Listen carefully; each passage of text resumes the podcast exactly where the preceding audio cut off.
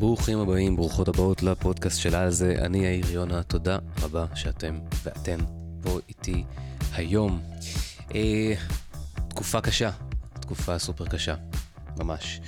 אה, משפיעה עליי מאוד, אה, אני בטוח שגם אה, עליכם ועליכן, וזה לא כל כך משנה גם באיזה צד של המתרס אתם נמצאים. אה, הצד שלי נראה לי שהוא אה, די ברור ודי ידוע. אה, ועדיין, ועדיין, חשוב לזכור אה, שאנחנו פה בו, לא רוצה להגיד שאנחנו פה ביחד וכל מיני משפטים מהסוג הזה, כי יש אנשים אחרים שיגידו אותם, אבל אה, חשוב לזכור שכולנו מרגישים את הקיבוץ הזה, את התחושה של ה... את זה. זה לא פשוט.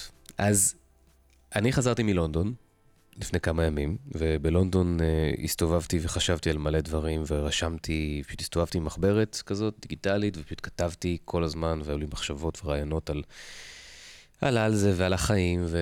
וזו הייתה הרגשה מדהימה להתנתק פתאום לחמישה ימים. פשוט נעתי בין קורסון לקורסון, ושכחתי לגמרי את התחושות האלה שחו... שאני חווה כרגע, uh, והניתוק הזה היה מאוד מאוד כיף. אה, וגם לחזור להיות פה, להיות מחובר שוב למה שקורה כאן, אה, להזכיר לעצמי את הערכים ואת מה שחשוב לי, כמובן שזה גם מאוד מאוד חשוב. ומה שקרה זה שביום הראשון שהגעתי ללונדון, אה, זאת אומרת בבוקר הראשון אחרי שישנתי, קמתי בבוקר וצריך להבין שאני הגעתי לשם כדי לחשוב קצת על העתיד וכולי, אחרי שלפני שנה וחצי הייתי שם, עם אותו הכוונה בדיוק, ובמרכאות לא יצא מהמחשבות האלה שום דבר, והתבלבל לי, לי המוח לגמרי לפני שנה, וחזרתי די, אה, די מבולבל ודי, וכאילו די מצולק אפילו, הייתי אומר, מהביקור ההוא.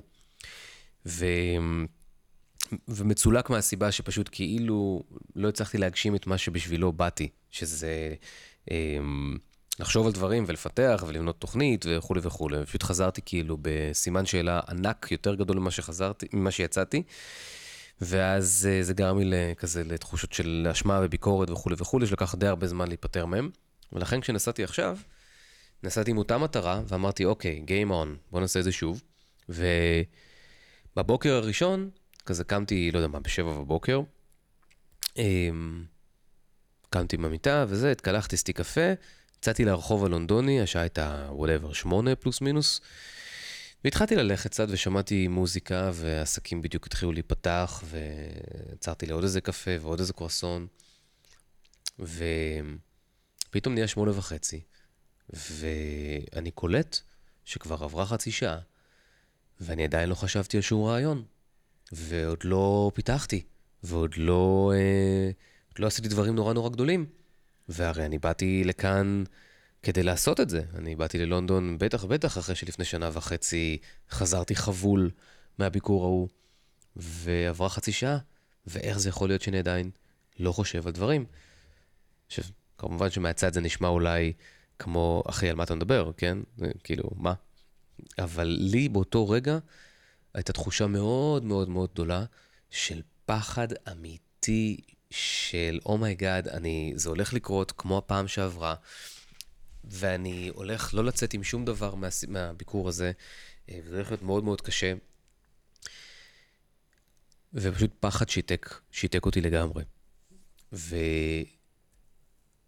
וראיתי את הפחד הזה, ואמרתי לעצמי, אוקיי, איך, מה אתה צריך כרגע?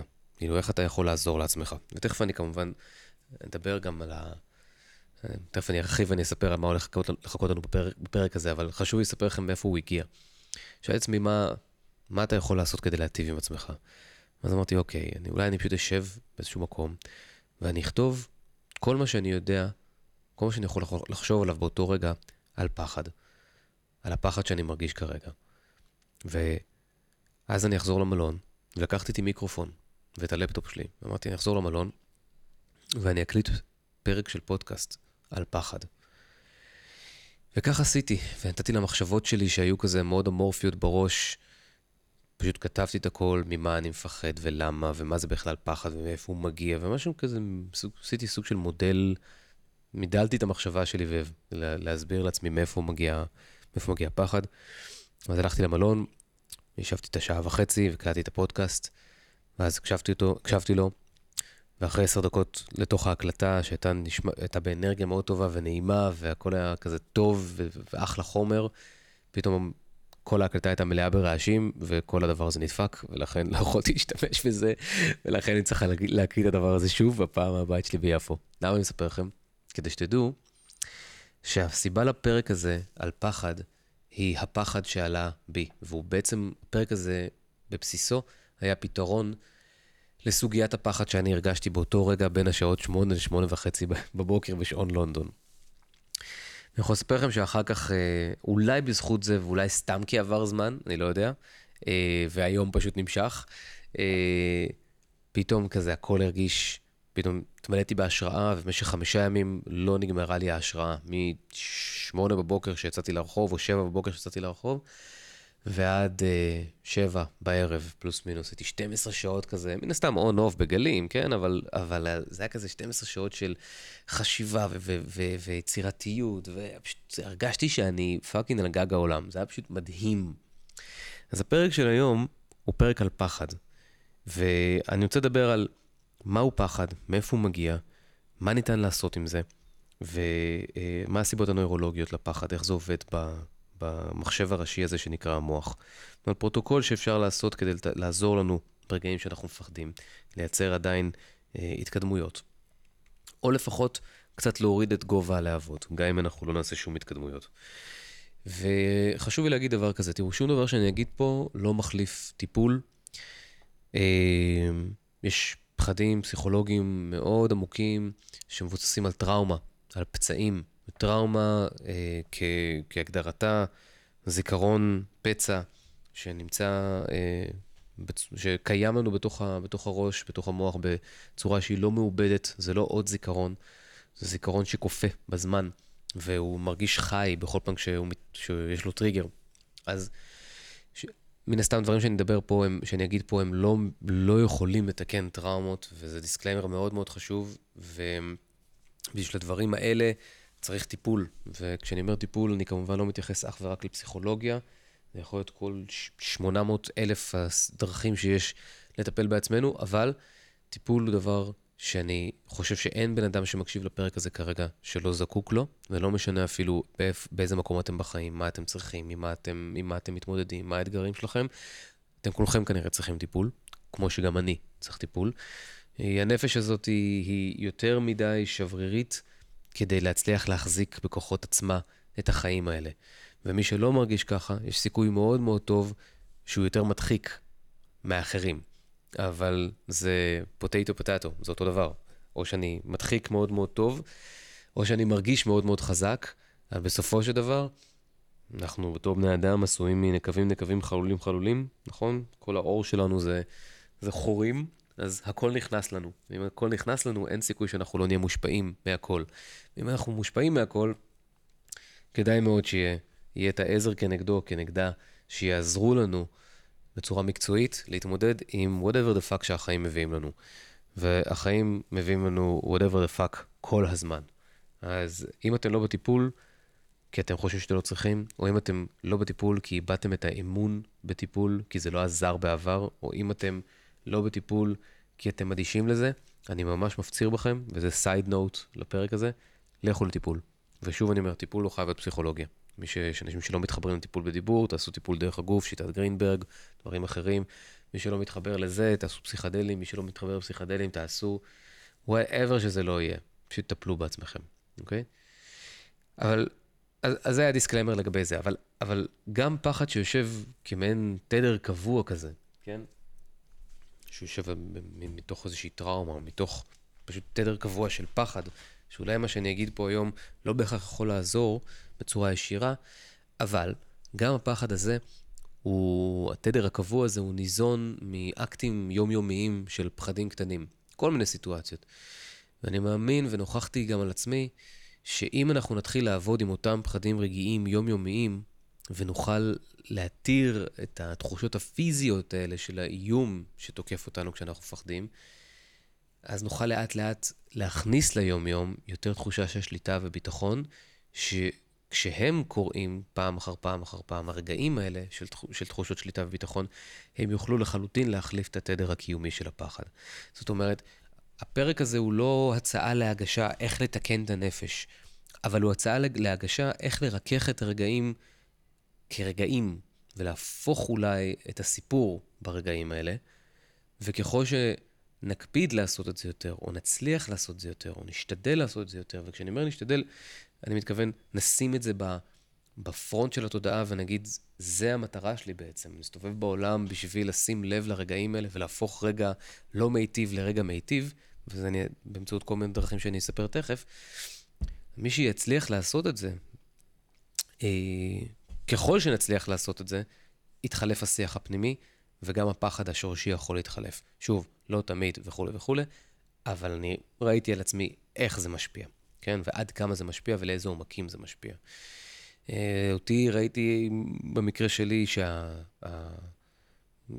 אפשר להגיד שזה הביא אותי ממצב של להסתובב בעולם עם ממש תדר כזה של פחד קבוע, למצב שיש לי ביטחון עצמי ותחושת מסוגלות מאוד מאוד גבוהה.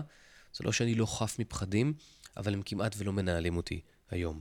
שזה, בשבילי להגיד משפט כזה, זה, זה unheard of, זה, זה פשוט לא ייאמן שאני יכול להגיד משפט כזה. ואני לא אומר את זה חס וחלילה ביוהרה, אני אומר את זה מהמקום באמת שהכי בא לספר לכם, לכל מי שמאזין ומאזינה לפרק הזה, ששינוי הוא דבר מאוד מאוד אפשרי.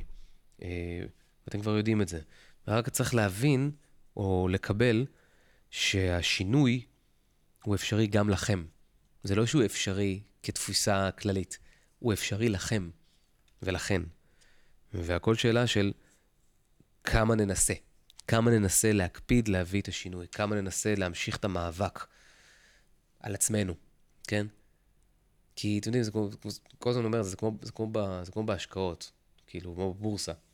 בורסה נופלת, כל זמן שלא מכרת את המניות שלך, אז לא הפסדת. כי מתישהו הבורסה תחזור, מתישהו שוק ההון יחזור להיות למעלה.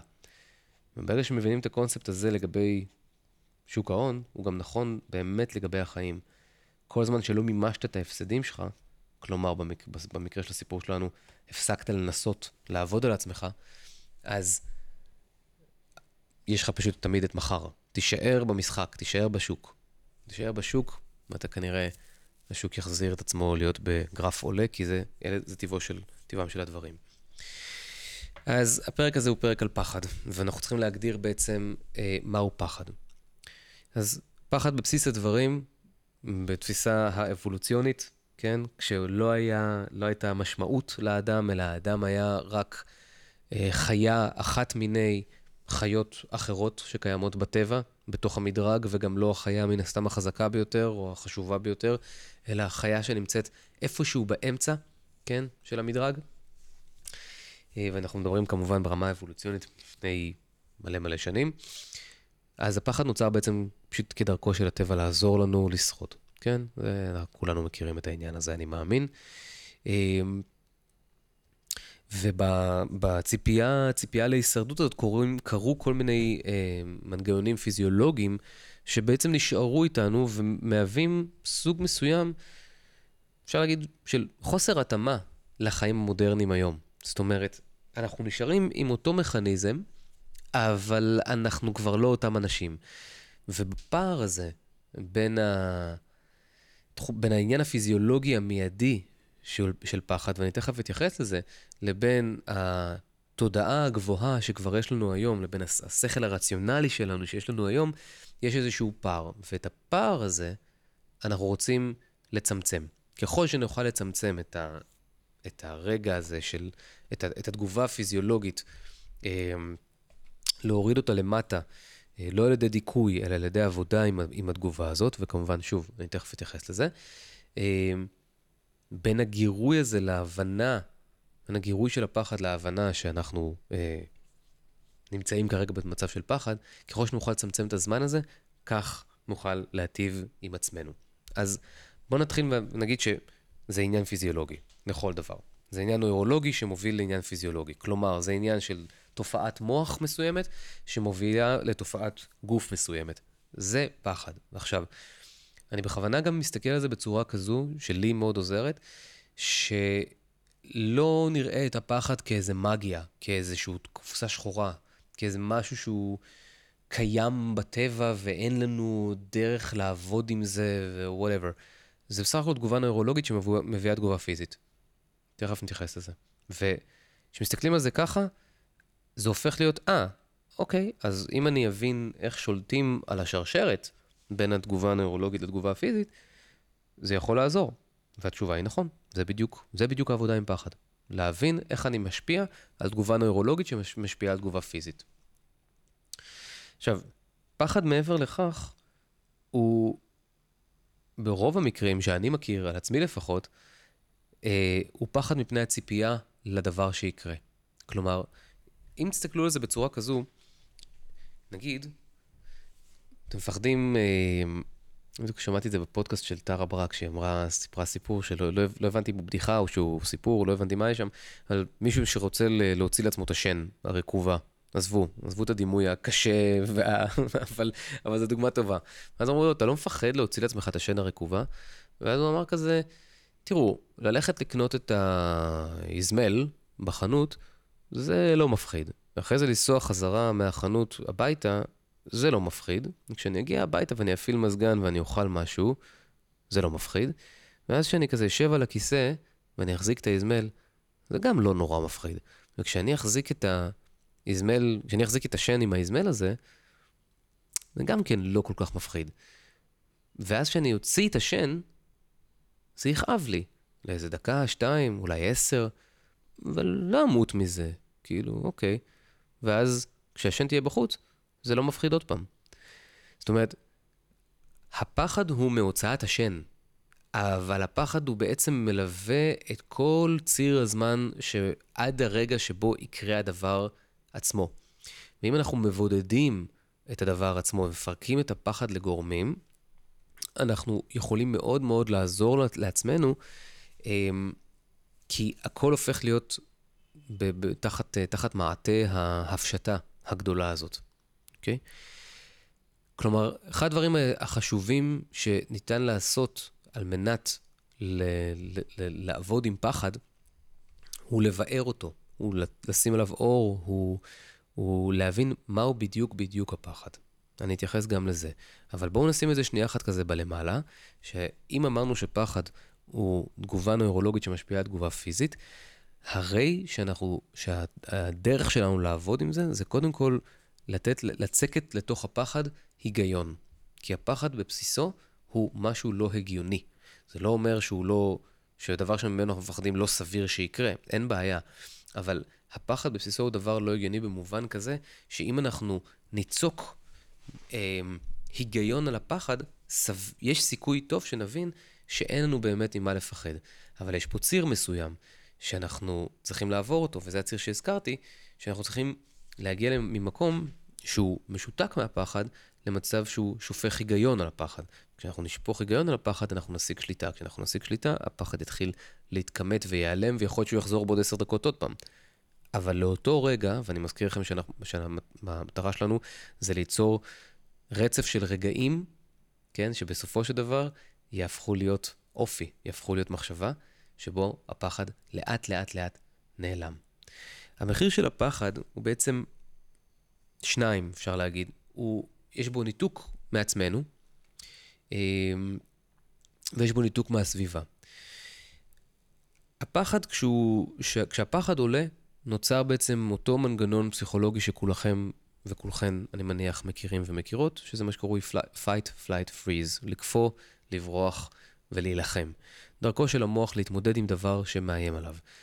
אם אנחנו מדברים על אה, ראשית ימי האבולוציה וחושבים שוב על האדם בבסיסו כחיה לא מודעת, אז כשמשהו תוקף אותו, כשיש איזשהו פחד מסוים שמאיים עליו, משהו שמאיים עליו, יש לו את האופציה להילחם, יש לו את האופציה לקפוא במקום ולא להצליח לזוז, או לברוח. והמנגנון הזה עדיין קיים אצלנו. מה שקורה אצלנו זה כשאנחנו מפחדים ממשהו, אנחנו נכנסים למעין סוג מסוים של טייס אוטומטי כזה, שבעצם המערכת שלנו מגיבה בצורה אוטומטית, והנוכחות שלנו, התשומת לב שלנו, היכולת שלנו להיות פה ועכשיו ולהבין את הסיטואציה כהלכתה, היכולת הזאת אה, קטנה מאוד. ואז אנחנו בעצם הופכים להיות אה, שפוטים במרכאות, או, או אפשר להגיד אפילו חטופים של מערכת אוטומטית גדולה מאיתנו, שמביאה לנו את ה-fight, flight, freeze. אז מה שקורה זה שאנחנו הופכים להיות מנותקים מהסיטואציה, וכשאנחנו מנותקים מהסיטואציה אנחנו מנותקים מעצמנו. אנחנו מנותקים מהאהבה העצמית שלנו. כלומר, זה המקום שבו ה-fight יכול להפך להיות מלחמה פנימית. זאת אומרת, fight לא חייב להיות משהו שהוא מלחמה חיצונית עם אנשים חיצוניים. fight יכול להיות גם מלחמה פנימית, ומלחמה פנימית זה אומר ביקורת, אשמה, תסכול, איך זה שעוד פעם אתה, בדיוק מה שקרה לי ב, ב, באותה חצי שעה הראשונה של הבוקר הראשון בלונדון. שוב אתה תגיע, ל... שוב אתה נמצא בלונדון ולא מצליח לכתוב, שוב אתה, שוב, הנה זה שוב קורה.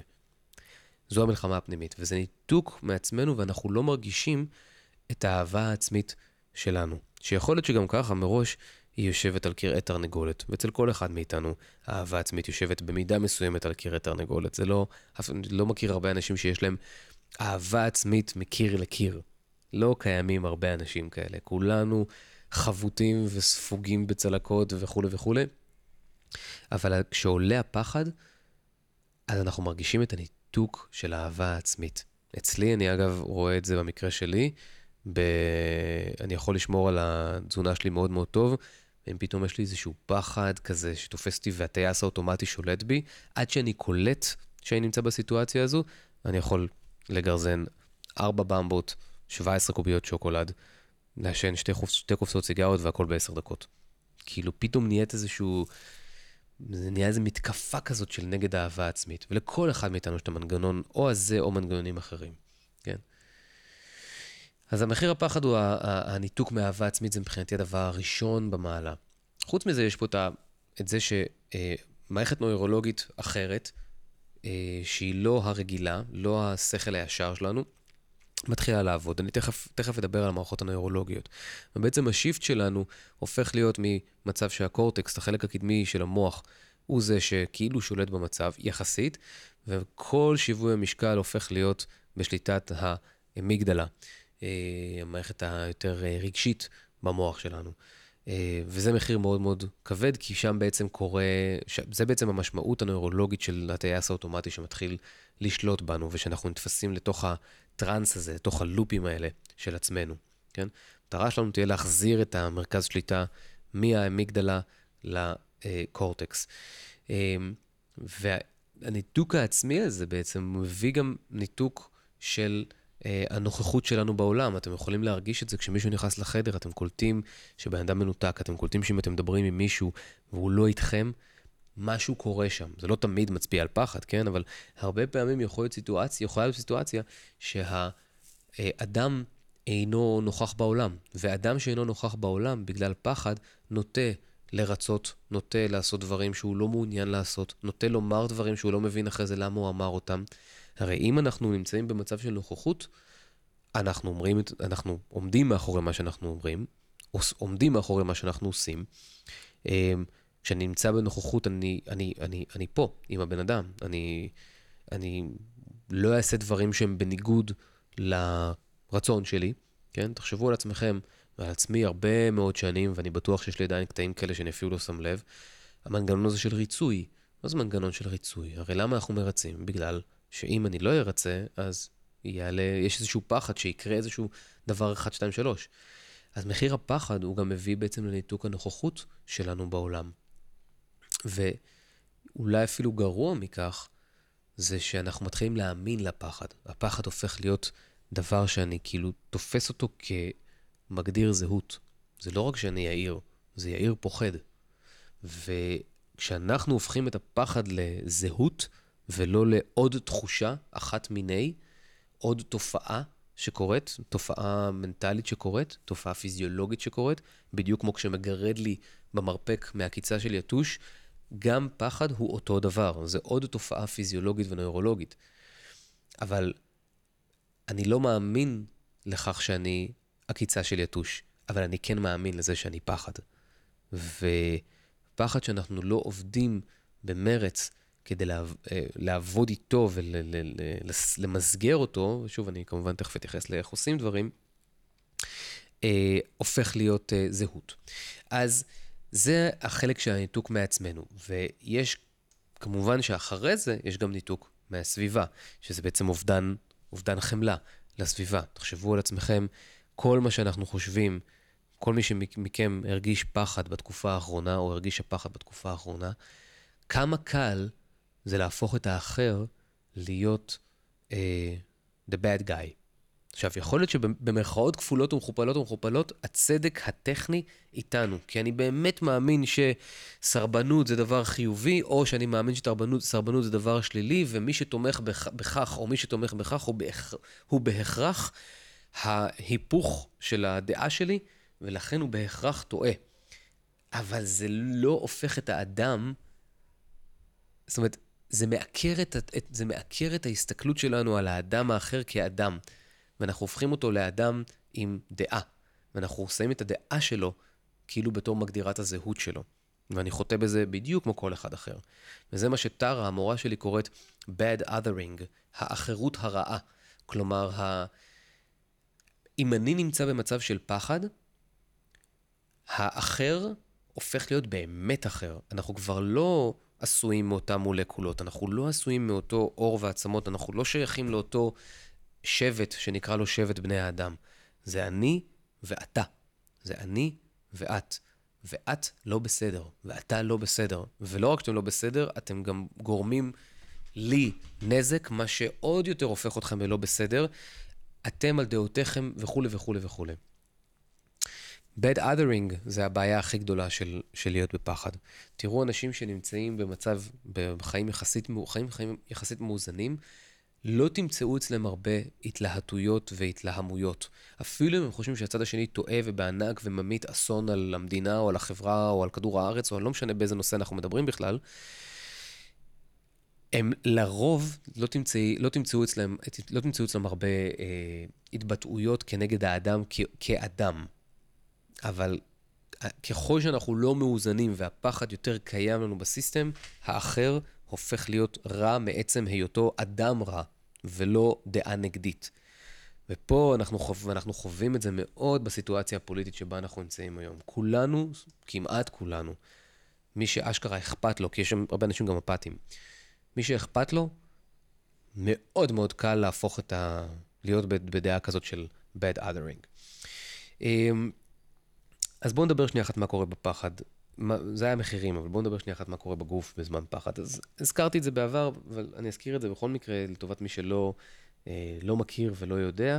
אני אגיד שוב, כמו תמיד, את ה disclaimer, שאני לא אה, מדען מוח, אני לא נוירולוג, אני מספר לכם את מה שאני יודע על העולם, ואם יש איזה שהם דברים שלא דייקתי, אז אתם מוזמנים לתקן אותי בתגובות בפודקאסט, או לשלוח לי מייל. אה, בכיף, אני אשמח ללמוד, אבל סביר להניח שמה שאני מספר לכם פה הוא... אה, 95% נכון על בסיס מה שלמדתי so far. יש בעצם בגוף, אה, במוח שלנו שלוש, שלושה רבדים, או שלוש מוחות אפשר להגיד. אחד מהם, הראשון שבהם, הראשון שהתפתח, הראשון שהאדם נולד איתו, זה ה-reptilian brain, המוח הזוחל, שזה בעצם. המרכז הפיקוד הבסיסי ביותר של המוח, שאחראי בעצם על רגולציות של כל אה, ענייני הגוף המיידיים והדחופים, לא, לא הדחופים, אבל המיידיים והבסיסיים, סליחה, שחשובים לתפקוד של הגוף שלנו. שזה, לצורך העניין, משהו הרי צריך לשלוט בפעימות הלב. הלב לא פועל לבד, המוח הרי בסופו של דבר צריך להפעיל את הלב ואת, ואת המערכת הריאות ואת מערכת העיכול, אה, ולשלוח חמצן לתאים, ולפרק את האוכל, וכל תפקוד הגוף הבסיסי כדי שהאדם, כמו כל חיה, יוכל לתפקד, כן? וזה המוח הזוחל, זאת אומרת, זה מוח שיש אותו לחיות. אמ, המוח הזה בעצם הוא הקדום ביותר. מי ש... המוח שהתפתח אחריו, אה, זה מה שנקרא המערכת הלימבית. אפשר לראות את זה, אם תסתכלו פעם על, סרט... על, על, על אה, איורים של המוח, אתם תראו שזה מוח מוכל בתוך מוח שמוכל בתוך מוח. זאת אומרת, האבולוציה הצמיחה פיזית איבר, איבר של מערכת הלימבית סביב האיבר הזה של המוח הזוחל, כאילו פיזית זה עוטף אותו, אה, יחסית. אה, והמערכת הלימבית בעצם זאת, אה, אה, the limbic, limbic brain, היא המערכת שבעצם שולטת על, ה, על האספקט של פענוח העולם במובן הרגשי.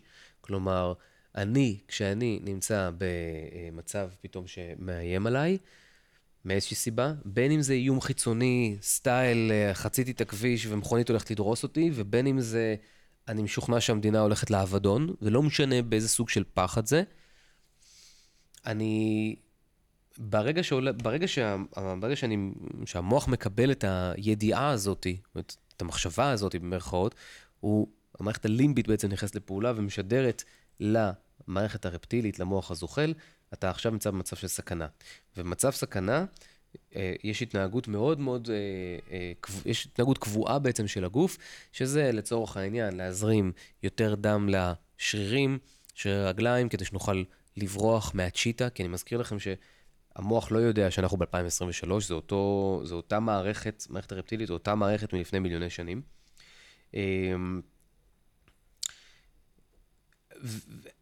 וברגע ש, ברגע שהמערכת, ברגע שהמערכת הלימבית מעבירה את הפקודה, במרכאות, למערכת הרפטילית, המערכת הרפטילית מציינת, מצייתת, ואז המערכת הלימבית, כשהיא חושבת, כשהיא מרגישה, כשהיא יודעת אה, שה, שהאיום עבר, היא יכולה לשדר למערכת הרפטילית, האיום עבר, אפשר חזלש, הכל בסדר, תחזירו את כל הגוף לתפקוד הרגיל המאוזן שלו. בגלל זה אתם מרגישים לפעמים שהבטן מתכווצת בעת פחד, הבטן literally מתכווצת כי הדם נלקח ממערכת העיכול ומועבר לשרירים הדרושים כדי לברוח מהאיום, כן? זה תמיד סיפור, זה תמיד דוגמה נורא שמאוד אהובה עליי, כי זה ממש, כי כולנו מרגישים את התחושה הזאת של כיווץ בגוף, או פתאום אה, נשימות מהירות, או whatever. למה? כדי שנוכל אה, לבצע את התפקיד שלנו, שזה לברוח מהצ'יטה. אה, אבל אז במרוצת השנים, ואני לא זוכר את הטיימליין ההיסטורי, אתם יכולים לחפש את זה, התפתח, התפתחה ה... התפתח המערכת, מה שקרוי הקורטקס, ה-neo-frontal cortex, המוח הקדמי, שהוא המוח הגדול, והוא בעצם המוח העדכני ביותר שלנו, והוא ה-control panel. הוא ממש מחשב מרכזי, גדול, אה, חכם מאוד, לוגי, רציונלי, תבוני. ששול, שהוא בעצם מתכתב, הוא המוח שאנחנו מכירים מהיום, מהיום-יום שלנו, כשאנחנו חושבים על דברים, כשאנחנו מפעילים uh, reasoning, כשאנחנו מפעילים רצ, רציונליזציה לדברים, כן? זה המוח, זה, זה הקורטקס שפועל. ואז מה שקורה זה שאם אנחנו באמת נמצאים במצב, שהדוגמה האהובה עליי פה זה שאנחנו נמצאים בסרט קולנוע, ואנחנו בסרט אה, סרט אה, אימה כזה, והכל כזה נורא נורא מתוח ושקט ורגוע, ובונים כזה מוזיקה, מוזיקה כזאת מתוחה, ופתאום בום, אנחנו מרגישים שמתפוצץ עלינו האיום מתוך המסך, ואנחנו נשתלים במקום. מה שקורה זה שהמערכת אה, הלימבית, קודם כל, אומרת למערכת הרפטילית, היי, היי, אתם נמצאים פה באיום, סכנה, אז אנחנו כזה מרגישים קפואים ונדבקים למקום. אבל מה שקורה זה שכמה שניות אחר כך, או מילי שניות אחר כך, המערכת הרפטילית, סליחה, הקורטקס מתעורר, ואומר, רגע, רגע, שנייה, שנייה, שנייה, אתם בקולנוע, ברמת גן, יולי עכשיו, כאילו, צ'יל, הכל בסדר, יחסית, הכל בסדר. ואז זה בעצם מוריד פקודה, המוח הזה מוריד פקודה למערכת הלימבית, היי, הכל בעצם בסדר, וכשהמערכת הלימבית מקבלת את זה, היא מעבירה את הפקודה למערכת הרפטילית, היי, הכל בסדר, ואז אנחנו נרגעים. זאת אומרת, שאנחנו צריכים להבין שפחד, כמו שהזכרתי מקודם, הוא לא מגיה, הוא לא משהו אמורפי, הוא לא, זאת אומרת, הוא משהו אמורפי, אבל הוא לא, הוא לא איזה גזירת גורל. הוא בסך הכל פעילות מוחית. ואם מסתכלים על זה ככה, יש לנו סיכוי לעבוד עם זה. Uh, המטרה שלנו זה להחזיר מחדש בכל פעם את השליטה לקורטקס, למוח התבוני הרציונלי. כי מה שקורה בעת הפחד זה שמערכת הלימבית קודם כל נכנסת לפעולה וחוטפת לנו בעצם את המוח. זה אשכרה kidnapping your brain, ככה זה נקרא, זה the, the, the, the, uh, brain is being kidnapped. והדרך להחזיר את השליטה בקורטקס זה להחזיר רציונליזציה, תבונה אה, ובמירכאות שכל ישר, לתת אה, תשומת לב לשכל הישר לעבוד. כדי שהוא יחזיר את השליטה אליו.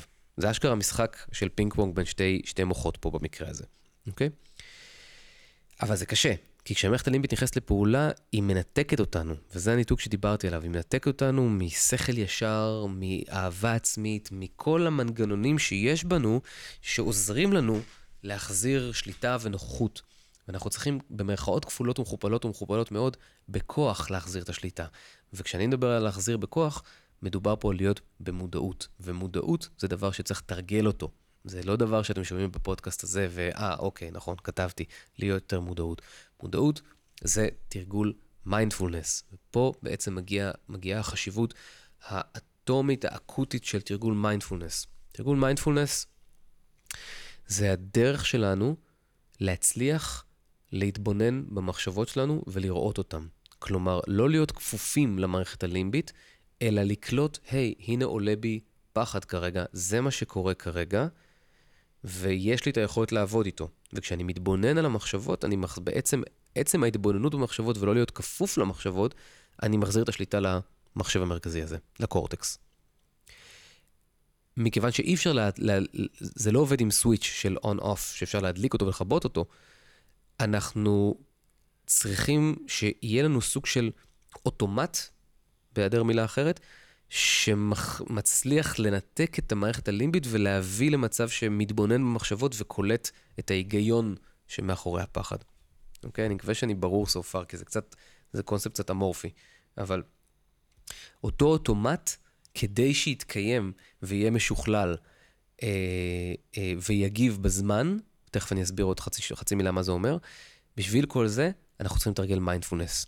לתרגל מיינדפולנס זה לא הופך אתכם לבודהיסטים דתיים. אפשר להיות עם כל דת, כל לאום, אתם יכולים לא להתעסק בכלל בבודהיזם, יש הבדל בין תפיסה פילוסופית בודהיסטית לבין תרגול מיינדפולנס, שזה אחד הכלים שבה אנחנו, שבה אנחנו משתמשים בבודהיזם, אבל זה לא מצריך אתכם לדת, לא מצריך אתכם לשום שינוי באורחות החיים, זה כן מצריך אתכם, אם תרצו, לתת, ללמוד קצת מה זה מיינדפולנס ואיך מיינדפולנס ומה זה מדיטציה, בניתוק מההקשר הרוחני של זה. ללמוד מדיטציה ומיינדפולנס בשביל אה, האספקט המאוד פרקטי של הדבר, אוקיי?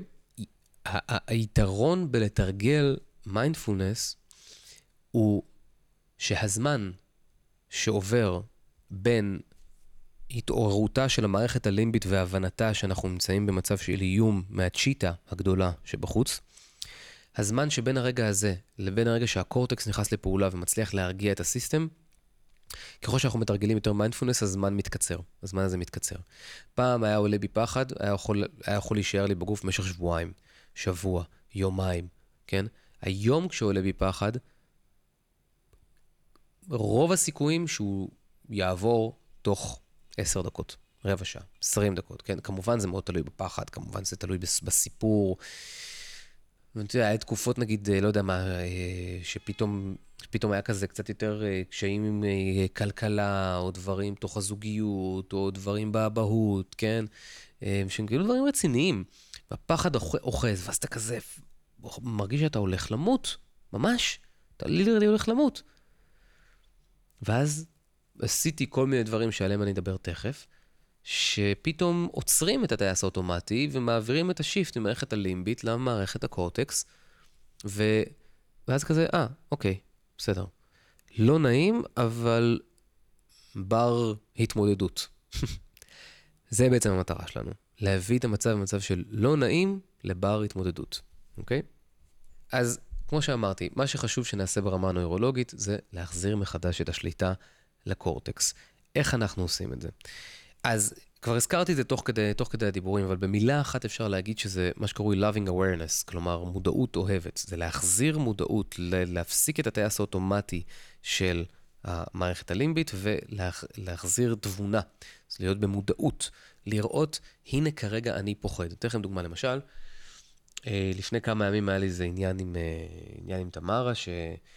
אה, רגע, לא, רגע של שיקול דעת לא נכון אה, באיזושהי, באיזשהו עניין ב, ב, שקשור לאבהות מול ילדה, בת כמעט שלוש. אה, שזה כזה מאוד הסעיר אותי שנהגתי בצורה, בצורה שהיא לא מיטיבה, כי, כי לא ידעתי לבנות, לא ידעתי אחרת. אוקיי? זה כאילו במירכאות לא באשמתי, אבל זה גם לא משנה, גם אם זה היה באשמתי. הרגשתי שאני פשוט קפצה לי הבטן מזה שהיא בכתה, ואני כזה התייסרתי.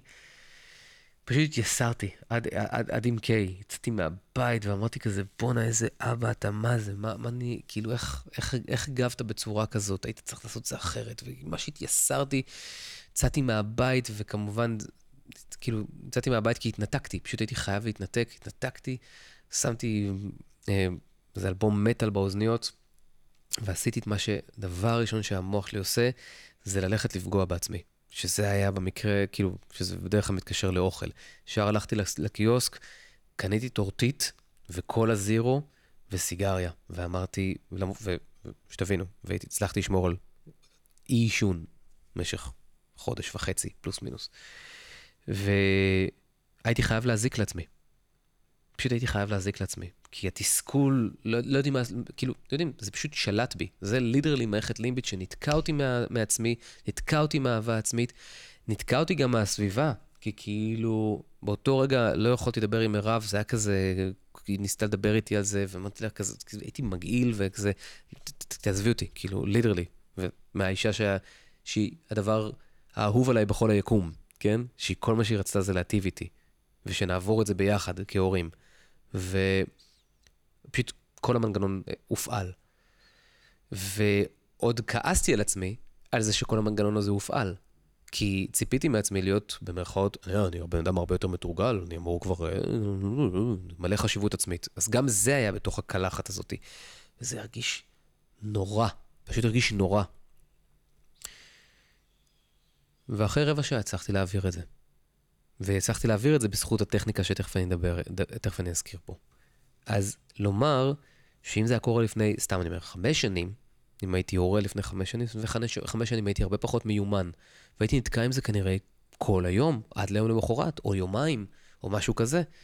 אבל פתאום, כי התרגול הזה של המיינדפולנס בעצם עזר לי מהרגע שעלה הגירוי, האיום, ועד הרגע שהצלחתי להחזיר את החיים למסלולם. זה לא שהרגשתי, זה לא ששכחתי מהדבר, זה לא שהדחקתי אותו.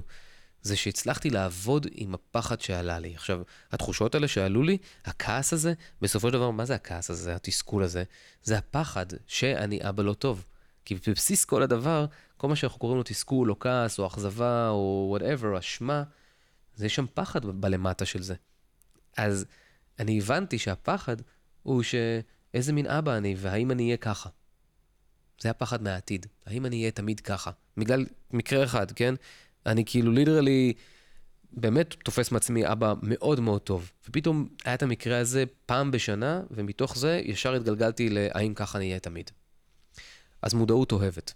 המודעות היא הדבר שחשוב פה. עכשיו, זה דבר ראשון שצריך לקחת בחשבון, שמודעות היא הדבר המרכזי שאנחנו צריכים להפעיל. וכדי להפעיל מודעות, אנחנו צריכים לתרגל מודעות, וכדי לתרגל מודעות, אנחנו צריכים לתרגל מיינדפולנס, וכדי לתרגל מיינדפולנס, אנחנו צריכים לקחת את האחריות הגדולה ולהבין שאין דבר יותר חשוב בחיינו, אין דבר יותר חשוב בחיינו מלתרגל מיינדפולנס. כי לתרגל מיינדפולנס עוזר לנו ומציל אותנו ויציל לנו יחסים והתנהגויות והזדמנויות. פשוט הפער הזה שבין המערכת הלימבית לקורטקס, ובגלל זה אני כל הזמן חוזר על זה שזה עניין מכני, נוירולוגי, הפינג פונג הזה בין שתי מערכות המוח, לשלוט על הפינג פונג הזה, זה הדבר הכי חשוב שיכול להיות לנו. זה משפיע הלכה למעשה על כל נדבך ורגע בחיים שלנו. תרגול מיינדפולנס זה הדבר הכי חשוב בחיים, באמת. באמת, אני לא יכול לחשוב על משהו יותר חשוב. כאילו, אתם יודעים, בצד, בצד של לשמור על בריאות תקינה, כן? זה חלק מלשמור על בריאות תקינה. אנחנו כל כך מנסים לשמור על הגוף, על חלקנו, על התזונה, על הספורט. זה בריאות המוח שלנו, תרגול מיינדפולנס. רק שהוא פשוט, זה הפך להיות באזורים הכאילו הרוחניים, שנורא קשה כבר, נורא קשה כאילו להגיד, אופס, נורא קשה להגיד עד כמה הדבר הזה כאילו, לרתום את, ה, את מי שפחות בתוך העולמות האלה, לרתום לזה שזה חשוב בדיוק כמו תזונה, וזה חשוב בדיוק כמו שינה, כן? זה בריאות הגוף רק מהצד של המוח. אז מודעות. עכשיו, תראו, הפחד מתגבר ככל שאנחנו מתנגדים לו, ורובנו, אה, כולנו, כולנו, כן? הדבר הראשון שאנחנו נעשה כשיעלה הפחד, זה להתנגד לו, לא לקבל אותו, אה, או בצד השני לרדות בפחד. הנה זה שוב, הנה זה שוב קורה לך. זה בעצם לרדות בעצמי. הנה שוב קורה לך, בואנה, ברור, הנה, ישר, הנה, הייתי, ברור שזה מה שיקרה. הנה זה שוב קורה. תמיד התפיסה הזו שלה, הנה זה שוב קורה. פחד, כמו כל דבר בטבע, כי תחשבו שאתם, אה, ככל שאתם מפעילים לחץ על, על משהו ויוצרים התנגדות מסוימת, אנחנו נקבל את ההתנגדות לפנים בדיוק באותה, באותה עוצמה, נכון?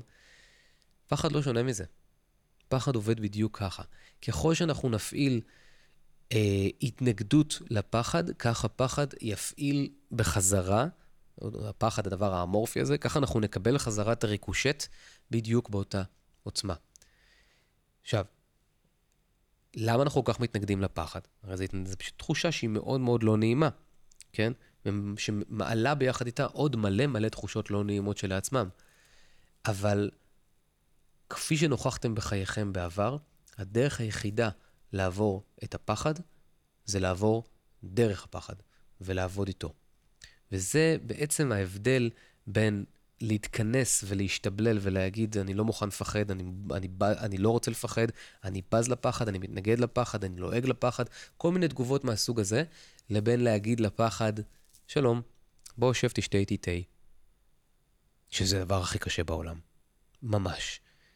אם תחשבו על האויבים, כל, כל עשיית שלום עם אויבים, זה להצליח לחתום על ההסכם שלום דרך התחושה של הפחד.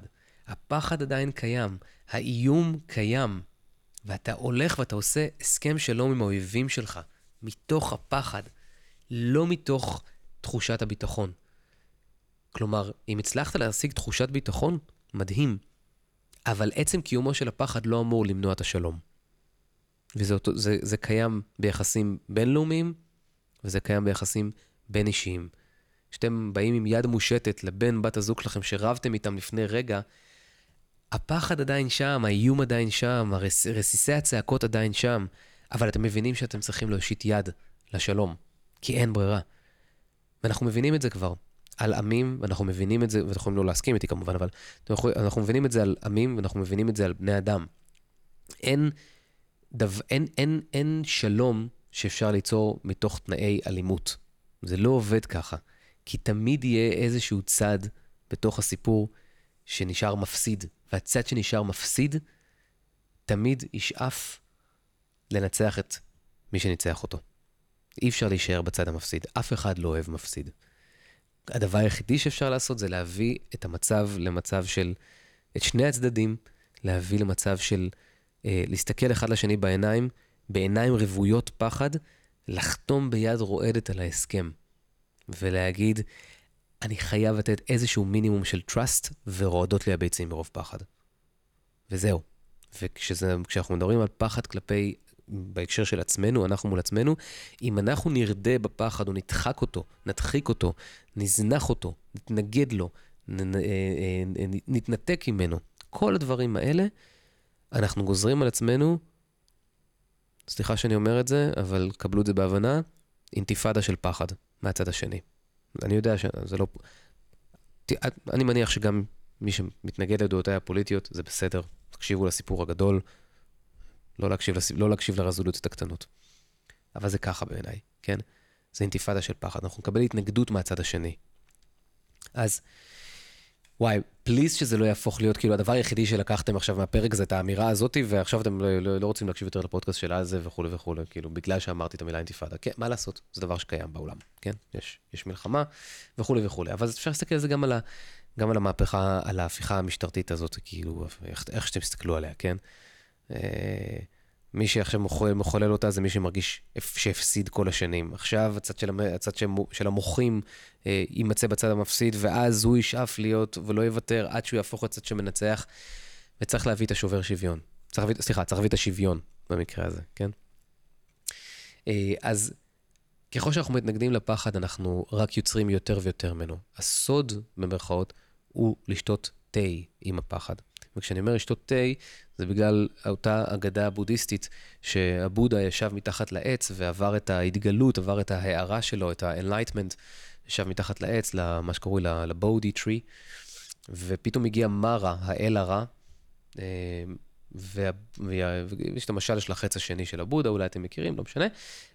ובמשל אחר מספרים שה, שהבודה אמר כזה, אה, I see you, מרה, אני, אני רואה אותך, כן?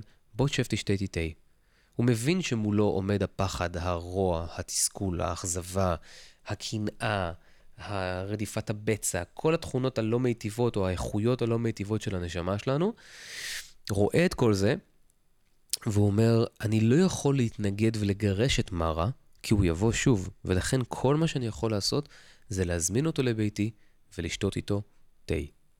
וזו הדרך שלנו להתגבר על הפחד. כאילו, זה החלק הנוסף בהתגברות על הפחד. הריאקציה האוטומטית שלנו היא להתנגד, או יותר גרוע, להתעלם. הדבר הטוב ביותר שאנחנו יכולים לעשות, ממש כמו באמנויות לחימה.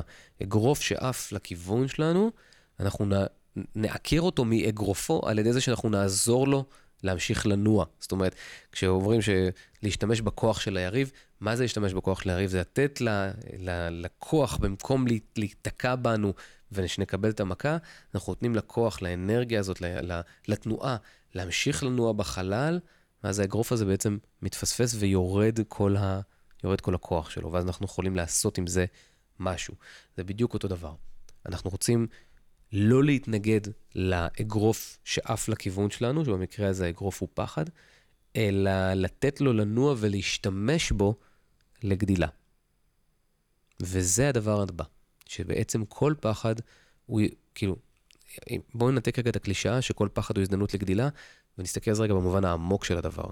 כל פחד הוא הזדמנות לגדילה, בדיוק בגלל שכל אגרוף שעף לכיוון, לכיווננו, אם אנחנו ממסגרים אותו אחרת, ומונעים את ההתנגדות, אלא נותנים לכוח הזה להמשיך לנוע ומשתמשים בתנועה הזאת לטובתנו, גם פחד יעבוד בצורה כזאת.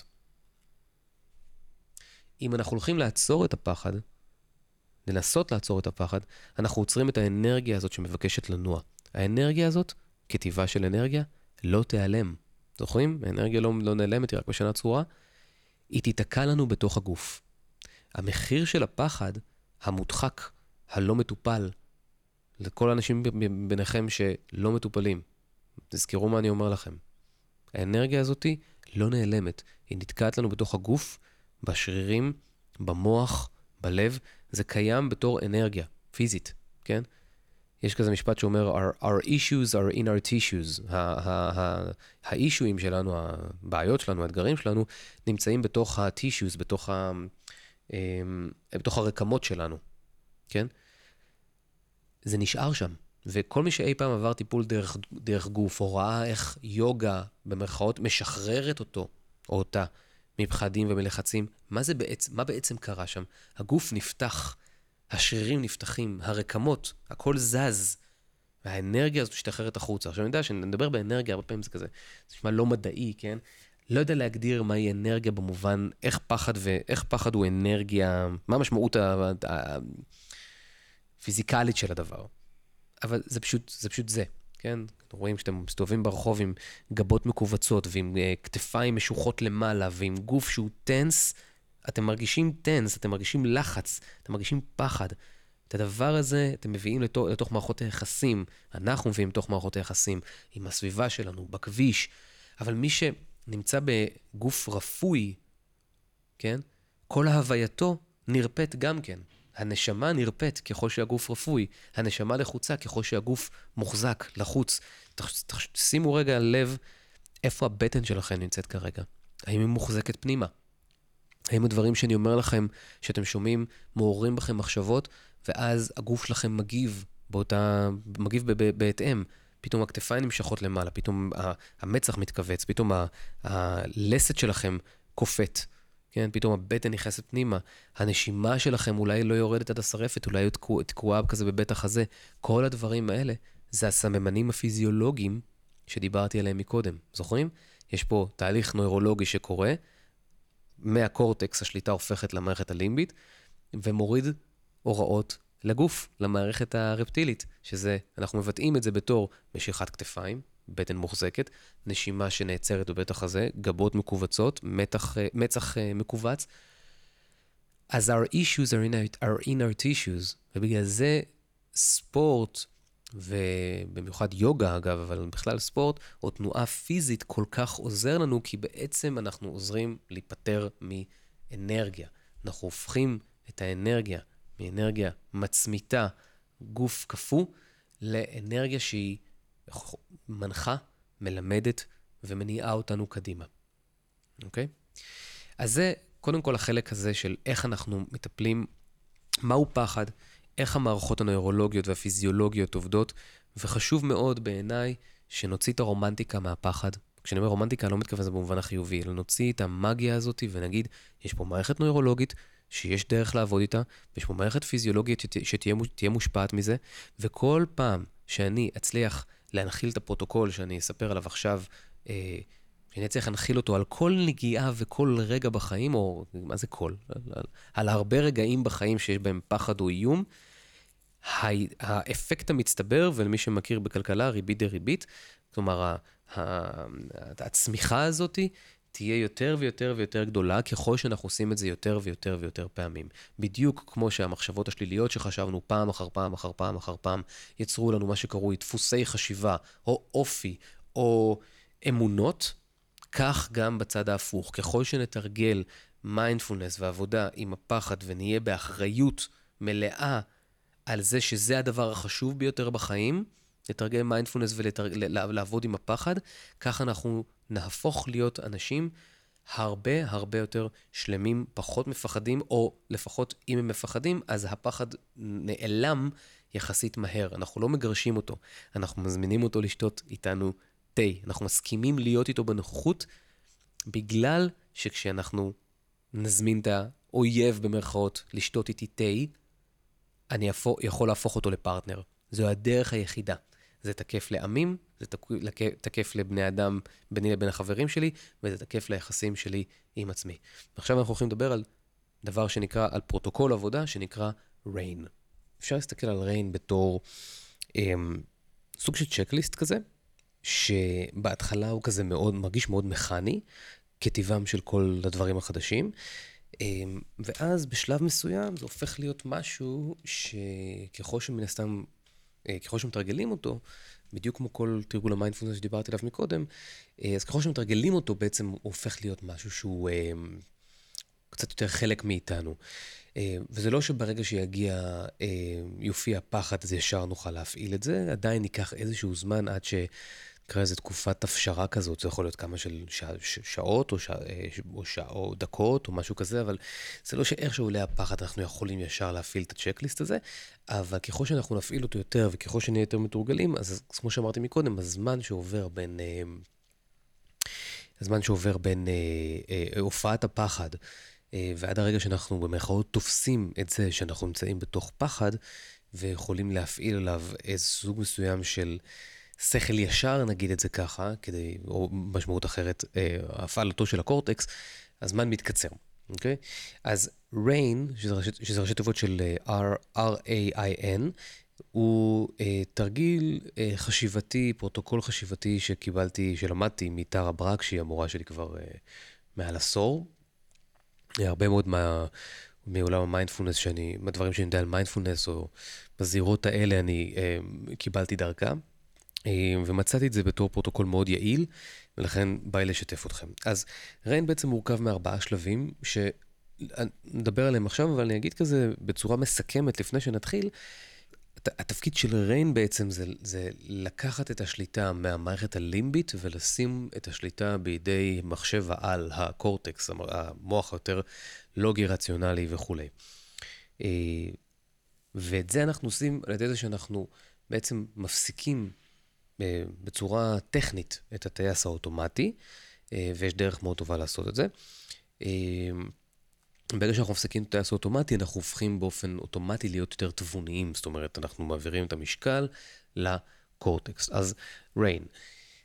ה-R הוא stands for recognize, כלומר, הוא, ה-R מייצג את המילה recognize. recognize זה בעצם השלב הראשון לזהות מה אני מרגיש.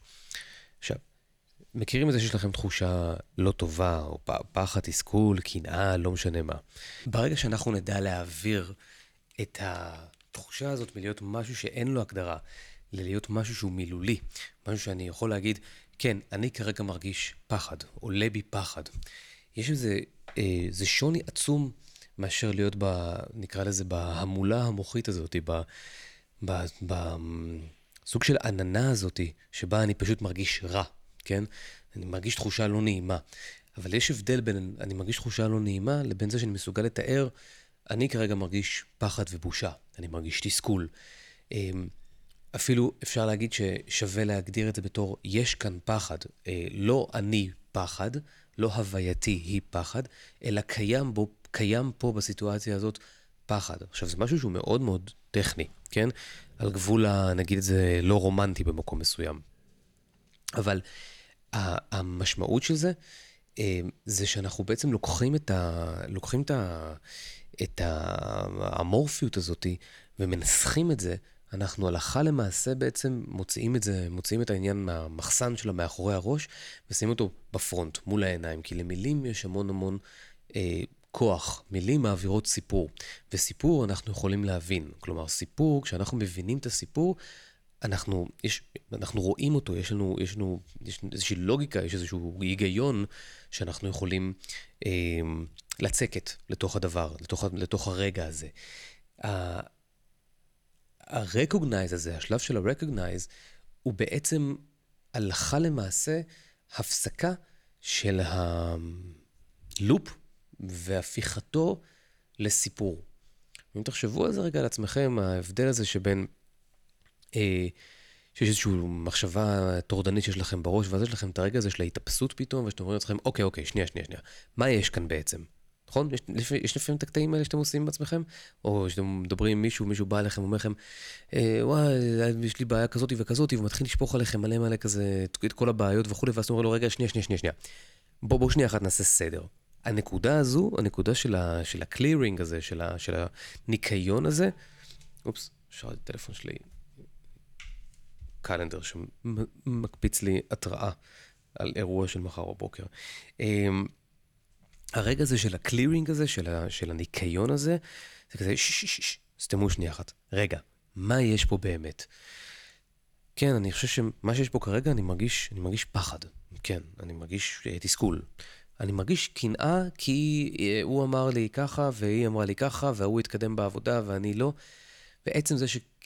I recognized it, שנתתי לזה הכרה, בום, שמתי את זה באור. וכבר אנחנו נמצאים במקום אחר. הוצאתי משהו מתוך החשיכה לתוך האור. כשזה משהו נמצא בתוך האור, אפשר לעבוד איתו, נכון? אז זה uh, recognize. ה-A מתייחס ל-allow, כלומר להתיר, להתיר לפחד להיות, כן? זה מה שאמרנו מקודם, על לא לדחוק את הפחד, לא, לא לסרב לו, לא להתנגד לו, אלא להגיד לו בוא נשתה תה, אז להתיר, להתיר לו להיות, לעצור ולהיות בתשומת לב אליו, לא לנזוף בו, לא לגעור בו, לא לדחוק בו, כן? אני מתיר לפחד הזה להיות. עכשיו, זו נקודה של אומץ, בואו. זה, זה נקודה שבה אתם אומרים לעצמכם בצורה רציונלית כזאת, או, אני מזהה שיש פה פחד, שזה ה-recognize, אני מתיר, אני, אני נכנס איתו לאותו, אני נכנס איתו לאותו, לאותו חדר, אני והפחד, ואני מכיר בזה שאני לא הולך למות מזה. זה פחד. זה גם, גם זה נמצא פה, הפחד הזה. כמו שיש לי מרפק, כן? כמו שהשעה היא שבע, יש גם פחד. זאת אומרת, זאת עוד עובדה שקיימת, מתוך שלל העובדות שקיימות, שמהם אני פחות מתרגש. אני כרגע יושב ליד מיקרופון, יש פה שולחן, אני מסתכל על קיר, אני מסתכל על מחשב שמקליט אותי, וגם יש פה פחד. וברגע שאנחנו בעצם שמים את ה-recognize ואת ה-allow, את שני השלבים האלה של הזיהוי וה...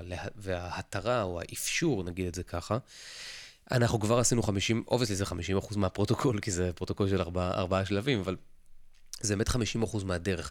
שמנו את זה באור ולא העפנו את זה. שמנו את זה באור ואמרנו, אוקיי, הנה יושב מולי, השכלה יושב לי מול העיניים. ועכשיו אתם נמצאים במקום של פיקוד. אתם נמצאים במקום של הרבה הרבה יותר שליטה. ושוב אני אומר, גם כשתכף נסיים את הפרוטוקול, אבל גם כשהפחד ייעלם, הוא יכול לחזור אחרי עשר דקות שוב, כן? זה לא משהו ש...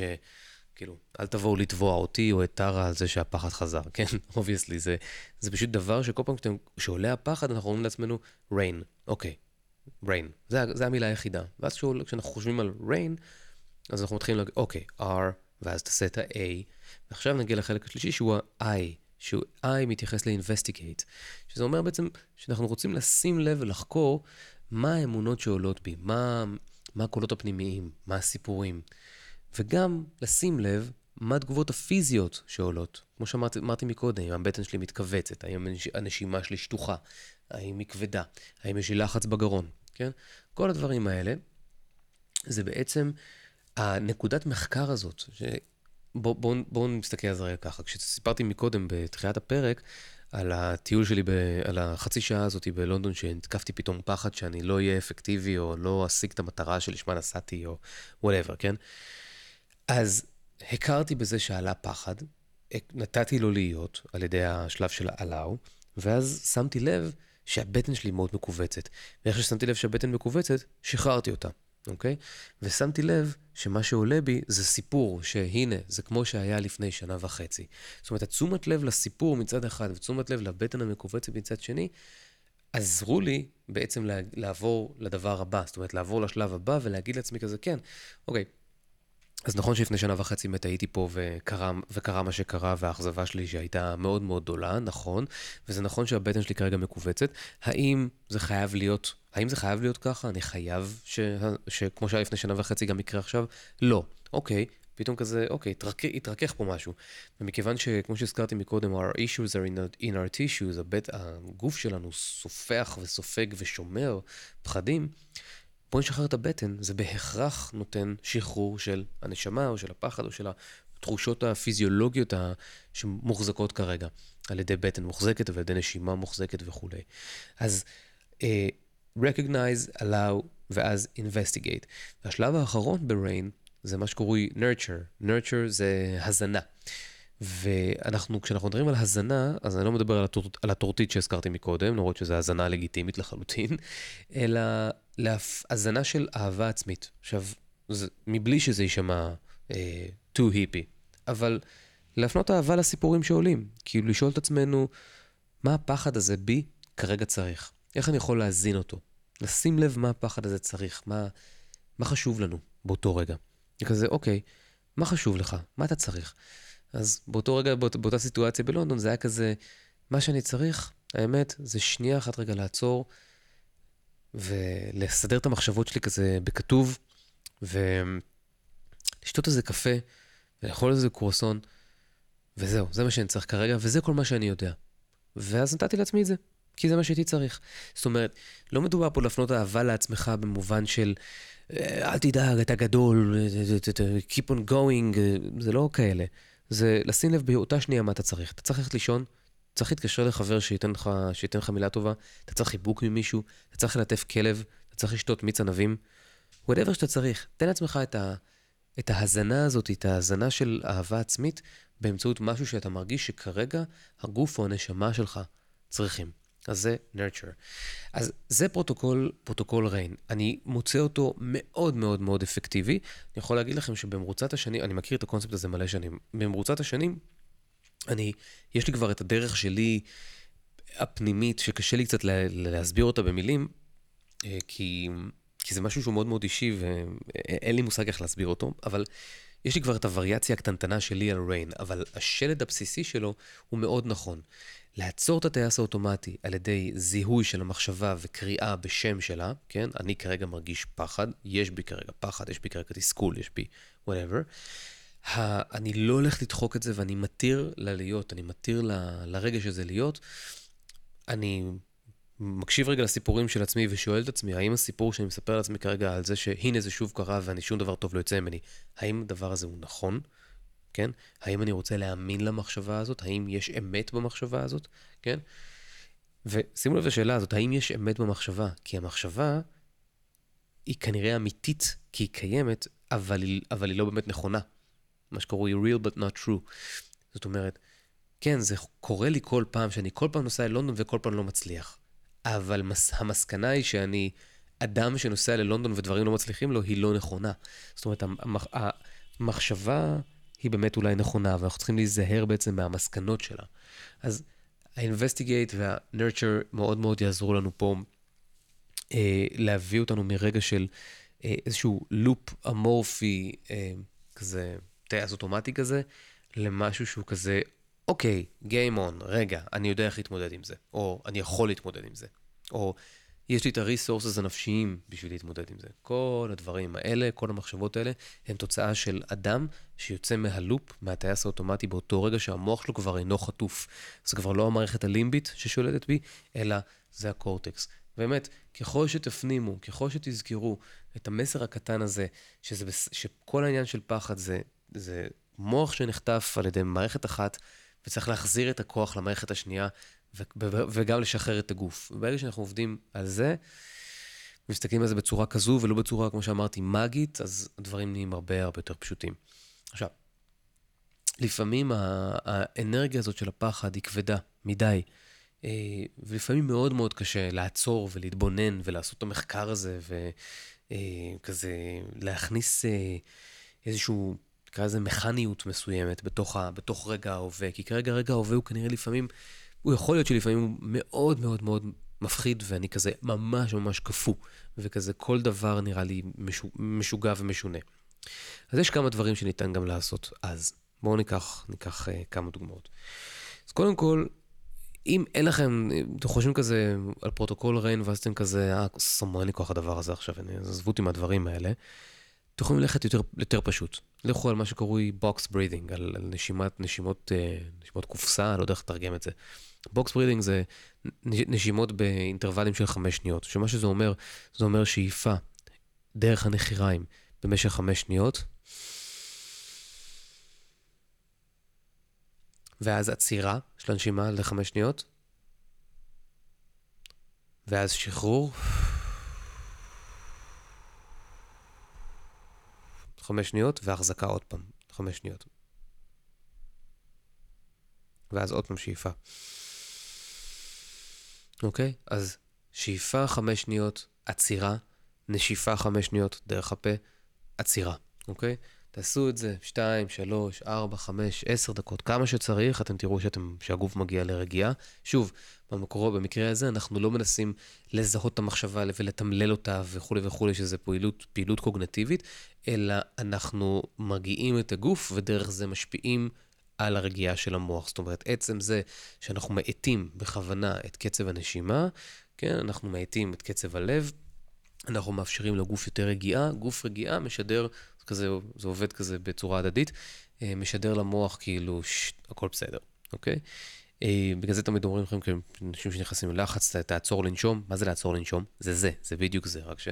לעצור לנשום הפך להיות סוג של מטבע לשוני כזה, שכאילו אף אחד לא מתייחס אליו, אבל הדבר היחידי שבאמת אפשר לעשות שאנחנו נמצאים במצב של סטרס, זה לעצור ולנשום. נשימות מבוקרות ואיטיות, ולהקפיד על זה שזה יהיה כמה דקות, ואנחנו מרגיעים, מביאים ליותר רגיעה בגוף. לא שם אותנו בהכרח בנירוונה האולטימטיבית של חיינו, אבל זה מאוד מאוד עוזר, כי זה מנתק את הטייס האוטומטי ומחזיר לנו שוב את הקורטקס, מערכת יותר ביקורתית, רציונלית, לוגית.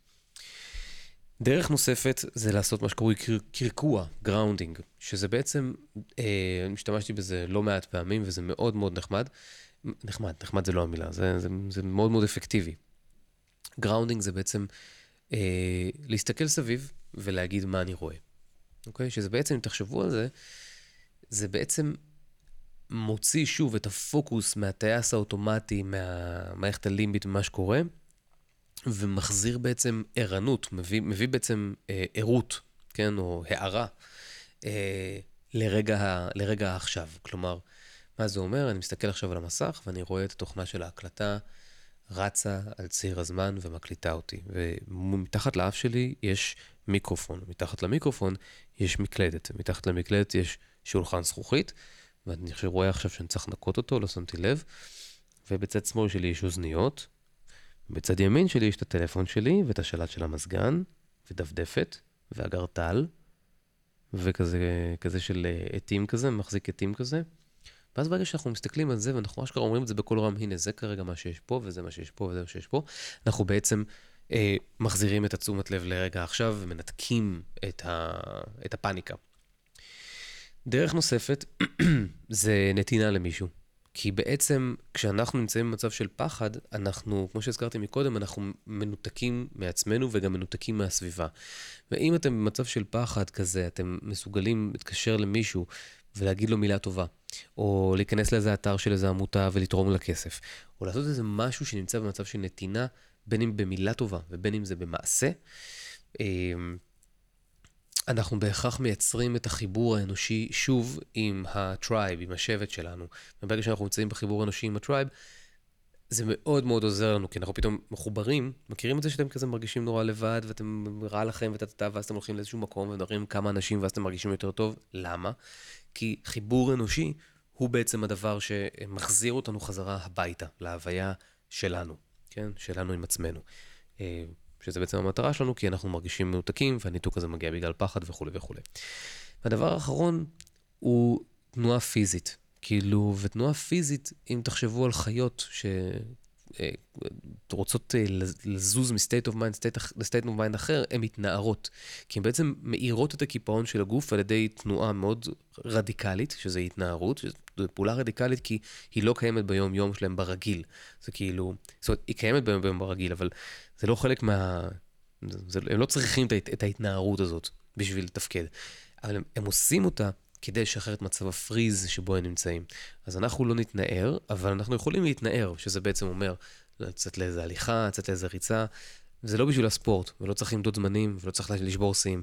זה ליטרלי כדי לנער את הפריז שבו אני נמצא. אני הרבה פעמים כשאני נמצא במצב של, אה, אתה יודע, של, שאני מתעצבן על משהו, שאני מתוסכל מאיזה משהו וזה, ואתם יודעים, זה יכול לקרות אה, לא מעט, אה, בטח בסיטואציה הפוליטית של עכשיו וכולי, אז אני כאילו הולך, מרתיח מים לקפה שחור, ואז שופך כמה שכיבות צמיחה עד, שה, עד שהקפה שחור, עד שהמים רותחים, שזה טריק שלמדתי מחבר, סבתא אפיקנט, שזה אחלה, אחלה דרך כאילו פתאום להכניס אה, אה, ערנות לגוף, על הדרך, יש גם אנטרופינים ואדרנלין וכל מה שצריך, אבל זה, אה, זה בעיקר מבחינתי בהקשר של השיחה שלנו, מביא אותנו להתנערות בתוך הסיטואציה הקפואה הזאת.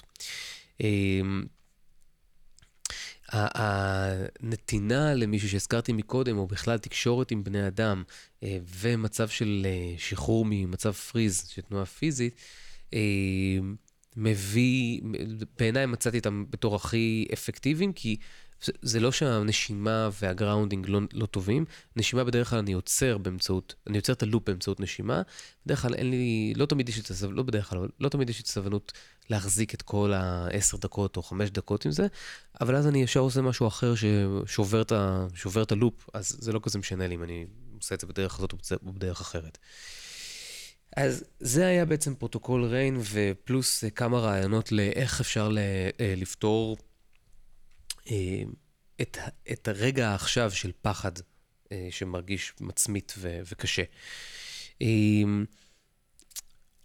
עבודה עם פחד זה, זה, זה, זה עניין.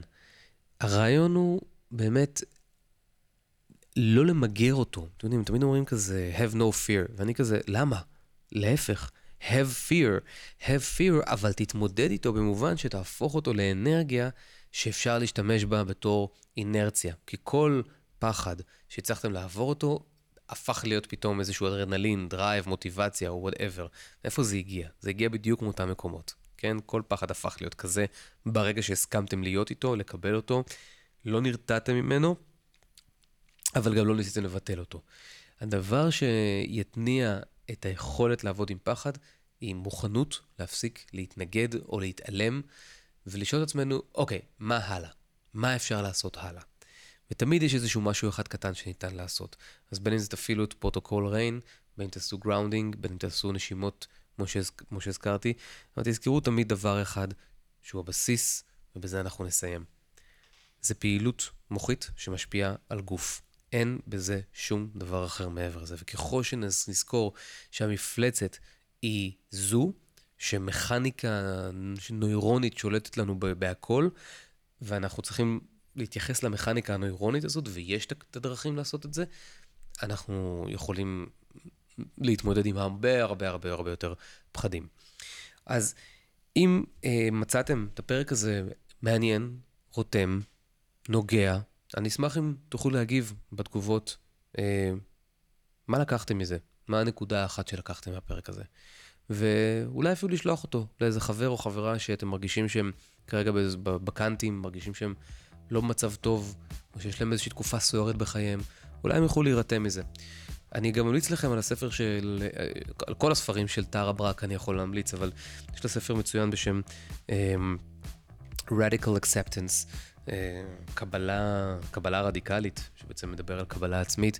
Uh, למרות שהשם של הספר נוטה קצת להיות New Age מדי בשבילי, אבל זה ספר, ספר מעולה, והיא מדברת גם שם על, על פרוטוקול RAIN, אני מאוד מאוד uh, ממליץ לכם על זה. אה, היה ויצאתם יצאת, נרתמים ואהבתם את הפרק הזה, תנו רייטינג, ספרו לעולם, תעזרו לי להפיץ את, להפיץ את הפודקאסט הזה, להפיץ את התנועה של, של על זה בעולם, כדי שנוכל לעזור, להגיע, לגעת, לרתום ליותר אנשים שהיו רוצים לממש את החיים שלהם ולחיות אותם בצורה יותר מלאה ומוגשמת. תודה רבה שהקשבתם. יאללה ביי.